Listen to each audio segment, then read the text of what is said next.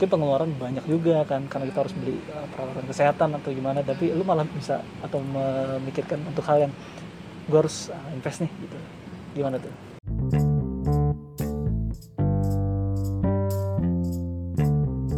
Bagi sebagian orang pandemi ini adalah pukulan. Karena cukup menghantam dari berbagai sisi baik itu ekonomi, kesehatan, sosial, politik dan seterusnya. Tapi salah satu dampak yang paling mengerikan dari pandemi adalah soal keuangan. Dan kali ini gue bersama Dea akan sedikit mungkin bercerita tentang pengalaman berinvestasi di tengah pandemi atau upaya bertahan hidup di tengah pandemi dengan cara berinvestasi. Sampai gue ada Dea yang kemarin sempat cerita soal bagaimana pandemi mengubah kita dan akhirnya ada kebiasaan baru yaitu mencoba untuk bertahan hidup dan uh, melalui melalui investasi. Betul. Oke, jadi mungkin bisa diceritakan dulu deh. Gimana akhirnya lo punya kepikiran untuk berinvestasi di tengah pandemi di saat orang atau di saat dalam keadaan kayak gini lo malah investasi nih. Itu gimana tuh? Karena kan mungkin pengeluaran banyak juga kan karena kita harus beli uh, peralatan kesehatan atau gimana tapi lo malah bisa atau memikirkan untuk hal yang gue harus uh, invest nih gitu. Gimana tuh? Pertama pasti um, kalau kita tuh di mana-mana bergerak kalau udah mepet ya. Benar, benar, benar. nah waktu itu keadaan keluarga gue lagi mepet. Oke. Jadi uh, kita benar-benar nggak punya apa pegangan lah gitu, nggak punya tabungan. Kayak Hmm. uh, waktu itu juga ada musibah juga, jadi kita Hmm, perlu hmm. dana gitu kan. Sampai akhirnya karena kejadian itu uh, gue jadi sadar kalau uh, tabungan, asuransi uh, itu penting, Penting. banget gitu.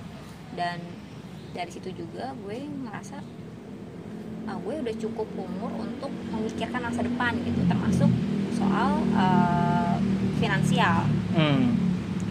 Nah, dari situlah gue nyari-nyari, searching-searching karena kita kan uh, punya lebih banyak waktu ya untuk uh, research di internet atau di mana gitu Iya, kan. iya. Nemulah uh, solusi yaitu investasi. Oke. Karena kan kalau tabungan tuh gue adalah orang yang gampang terpengaruh gitu. Jadi kalau misalnya ada sesuatu dan gue ngerasa gue punya duit, gue bakal pakai aja lah gitu loh. Gitu. Mhm, mhm. apalagi kalau gampang dicairinnya gitu Oke. likuiditasnya lebih tinggi nah eh, akhirnya gue milih eh, pertama kali itu saham Mhm.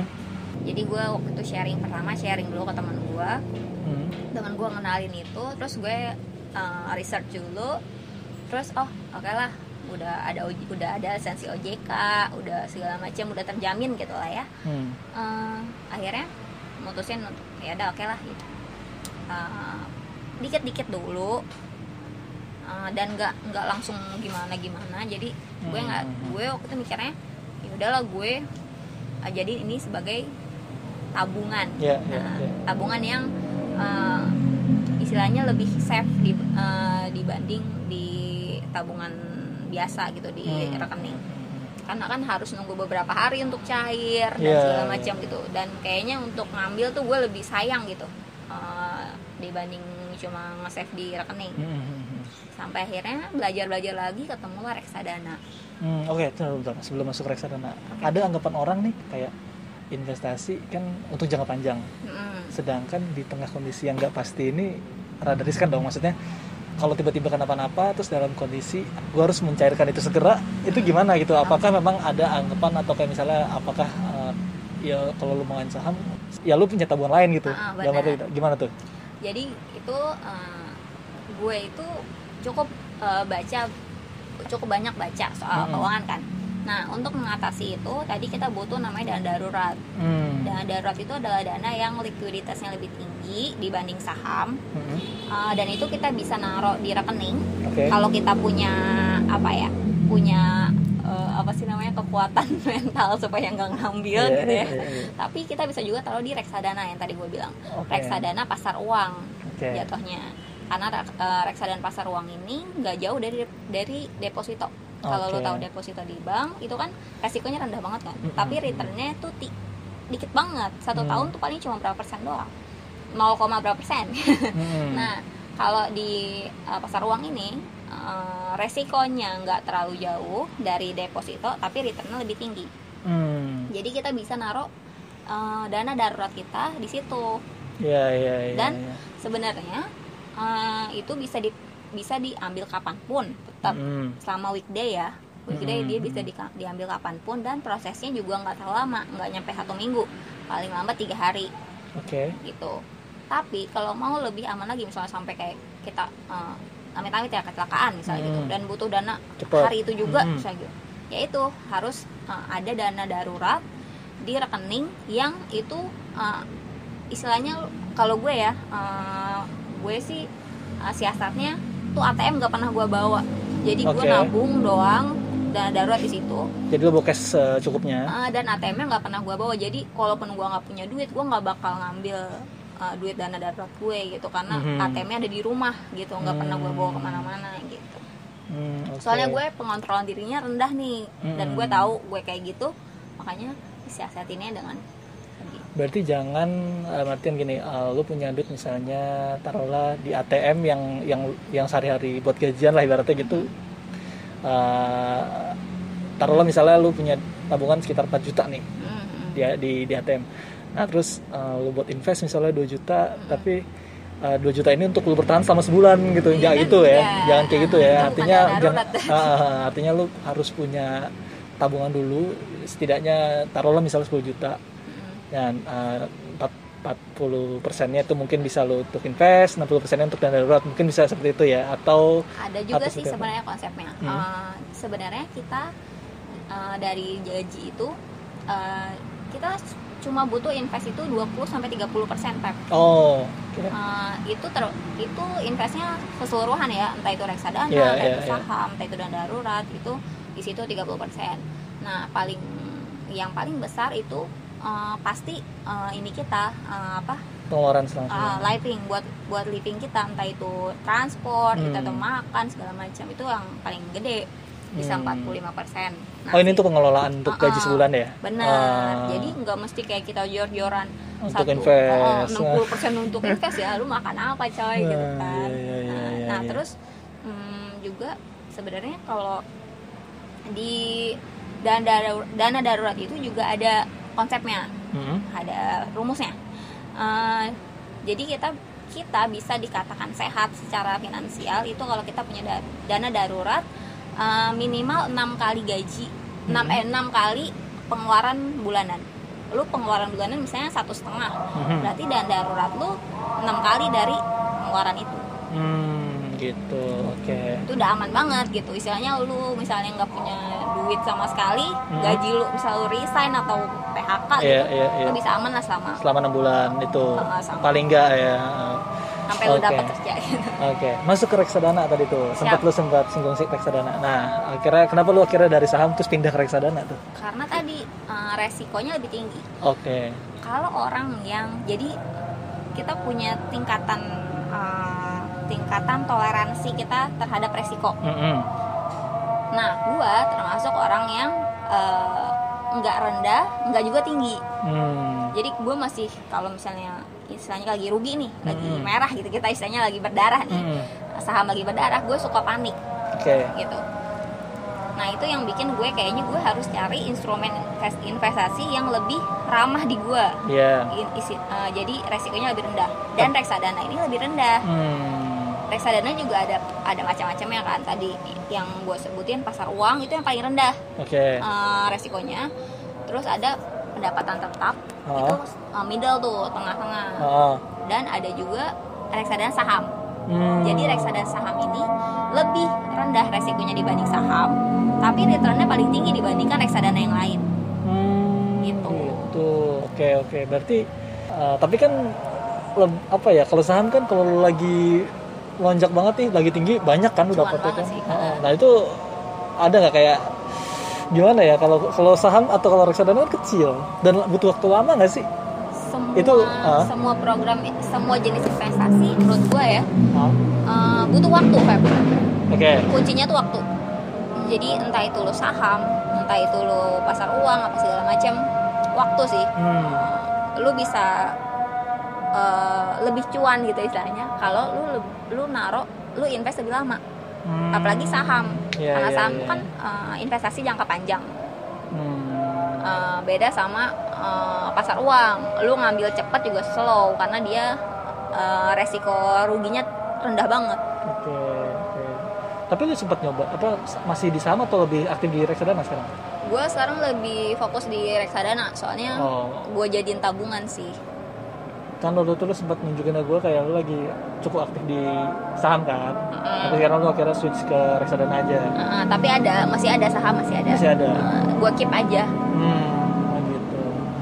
lumayan sih cuan sih Seru ya? lumayan apalagi pas pandemi pandemi itu lagi uh lu kalau beli pak beli saham di pas lagi eh, itu lagi resesi kemarin Hmm. wah cuan lu sekarang pasti Iya, iya. soalnya ini spoiler aja gue beli saham di eh, ada salah satu saham perbankan. Ah, waktu itu lagi di pandemi itu rendah banget Pak. ah. rendah banget dah. Gue beli. Sekarang cuan banget coy. Bisa berapa kali lipat ya? Nggak nggak bakal berapa kali lipat sih cuman udah berapa persen gitu untungnya. Tapi intinya baik saham ataupun reksadana yang lu pegang sekarang dua-duanya lagi cuan ya. Ya kalau reksadana mungkin cuan terus ya, karena kan tuh mungkin naik tapi sedikit gitu. Ah, ah. Tapi kalau saham lu sekarang gimana tuh? saham lumayan. Lumayan. ada yang ada yang merah ada yang hijau Tapi lu tipikal yang trader atau maksudnya enggak gue investor Oh, investor aja ya. Jadi cukup apa butuh waktu lama untuk untuk lama karena kan ada yang bilang kayak eh, ya sekarang mungkin berdarah-darah nih, tapi lu nanti eh, beberapa tahun kemudian itu bisa bangkit lagi gitu Parah kan. sih Eh, bisa bisa bisa bisa banget makanya tadi kuncinya waktu sebenarnya Oke. lebih sabar sih ngelatih kesabaran sih Oh. Oke deh, terakhir eh, mungkin untuk teman-teman kita yang baru mau mulai di mas apa investasi di masa pandemi ini eh, apa nih pesan dari lu nih? Eh, mulai sekarang aja Hmm. mulai sekarang soalnya eh apa ya kita tuh nggak tahu apa yang bakal terjadi besok kan Hmm. Kita juga nggak tahu besok apakah kita punya uang atau enggak gitu apalagi sekarang tuh eh, investasi itu bisa bisa dari mulai dari sepuluh ribu Hmm. seratus ribu Iya, iya, iya. itu bisa Dan itu banyak Dan platformnya ya, platformnya ada di banyak banget. Tokopedia, di Shopee itu ada semua. nah tapi eh, pastiin dulu Feb Oh.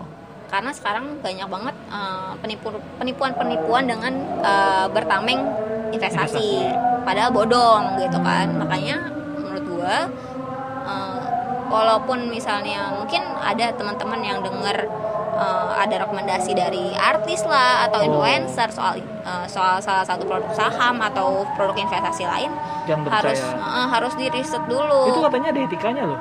Ada etikanya. Nggak boleh uh, mem- apa namanya? Mempromosikan apa Benar. yang dipakai. Bener, Iya sekarang kan baru kan eh, Iya, dari eh, apa OJK baru ngasih kan Iya, itu iya, peraturan itu karena kemarin banyak yang terjerumus tuh gara-gara eh, ikutan-ikutan influencer doang tapi dia nggak tahu sebenarnya dia invest di mana kayak gitu. Eh, dan yang penting pastiin dulu dia udah berlisensi, dia Hmm. bagus eh, sepak terjangnya misalnya Iya. uh, reviewnya bagus segala macam dan saat milih uh, produk investasi juga harus diteliti dulu. Entah uh, dia dia dia apa namanya di ke mana nih duit duit lo diarahinnya kayak gitu. Yang Iya, ngelola iya. siapa kayak gitu. Itu harus dipastiin dulu. Dan apa ya lagi? Pokoknya jangan asal jangan asal apa ya? Jangan asal ngikutin lah. Jangan Hmm. asal ikut ikutan. Harus tahu dulu lu di mana soalnya kan duit dong lu Iya, nggak iya, mungkin iya. walaupun cuma misalnya sejuta dua juta tapi kan duit juga bener sih intinya apa ya jangan takut untuk memulai dan hati-hati karena jangankan apa namanya investasi atau di lembaga-lembaga yang kayak gitu ya sekelas BPJS atau asuransi sebesar Jiwasraya aja diselewengkan kan Iya, diselewengkan benar. apalagi mungkin yang uh, platform-platform investasi yang ecek-ecek lah ibaratnya atau yang. Kalian nggak tahu juntrungannya atau yang tidak terverifikasi atau Mm. oleh OJK gitu jadi ya yang pasti-pasti aja lah Benar, Dan benar, hati-hati itu aja sih oke menarik sih jadi pengen mulai lagi sih. Lumayan. karena kemarin sempat pengen mulai terus suruh input KTP segala macam kan dan KTP gue lagi bermasalah ketika itu buram fotonya segala macam dan nggak bisa kan Hmm. untuk uh, input datanya untuk diverifikasi lah gitu dan sekarang udah udah gue ganti udah ke kelurahan waktu itu dan tapi lu katanya lagi investnya emas ya? Oh iya iya benar kalau gue investasinya emas. Oh. jadi gue waktu itu beli waktu masih 636 ribuan lah. Wah cuan dong. Sekarang 800 cuy. Dulu sempat sejuta loh. Pernah sejuta iya, juga makanya, sih. tapi gue mikir ah nggak usah lah nggak usah gue jual ntar ntar aja. Bener. Nah kan karena kan waktu iya kan gue pasti. gue modelnya model bukan yang memanfaatkan momentum lagi tinggi terus gue jual mm, gitu. Mm. karena kalau ketika di, ti- di titik tertinggi pun kadang-kadang kita suka mikir ah ntar aja deh mungkin lebih tinggi lagi gitu. Benar, gitu. ternyata malah sekarang turun kan ada perasaan kayak nyesel tapi nanti mungkin siapa tahu bisa Ah, apa naik lagi jam lah. lagi ya makanya jadi kayak uh seru sih emas tuh ya sebenarnya disesuaikan aja sih Hmm. Eh, misalnya kayak gue lebih prefer ke reksadana atau saham lu lebih prefer ke emas sebenarnya kan investasi bisa beragam ya Iya. jenisnya bisa ke properti Iya, bisa ke mungkin ke bisnis segala iya, macam iya, iya. jadi sesuaiin aja ke eh, profil kalian masing-masing lu lebih suka intinya sih saving doang kan iya iya iya. lu yang penting lu punya dana yang bisa jadi pegangan lu itu udah bagus banget entah itu Hmm. dialihin ke saham ke reksadana ke emas whatever lah Iya. yang penting kita punya pegangan itu aja sih oke mungkin itu aja sih seru sih nanti seru seru, seru. uh, siapa tahu ada teman-teman yang mau join dan nanya-nanya bareng kita silakan aja biar bisa kita belajar bareng lah Benar, kan sama-sama belajar gitu kan Aha. Dan banyak banget sebenarnya di YouTube apa namanya orang-orang yang udah cukup berhasil gitu kan dalam investasinya dan kita bisa belajar dari situ Mm-mm, kan mm. tapi sekarang emang eh, investor milenial tuh tinggi banget loh lagi naik naiknya Lagi nih pas naik-naiknya. pandemi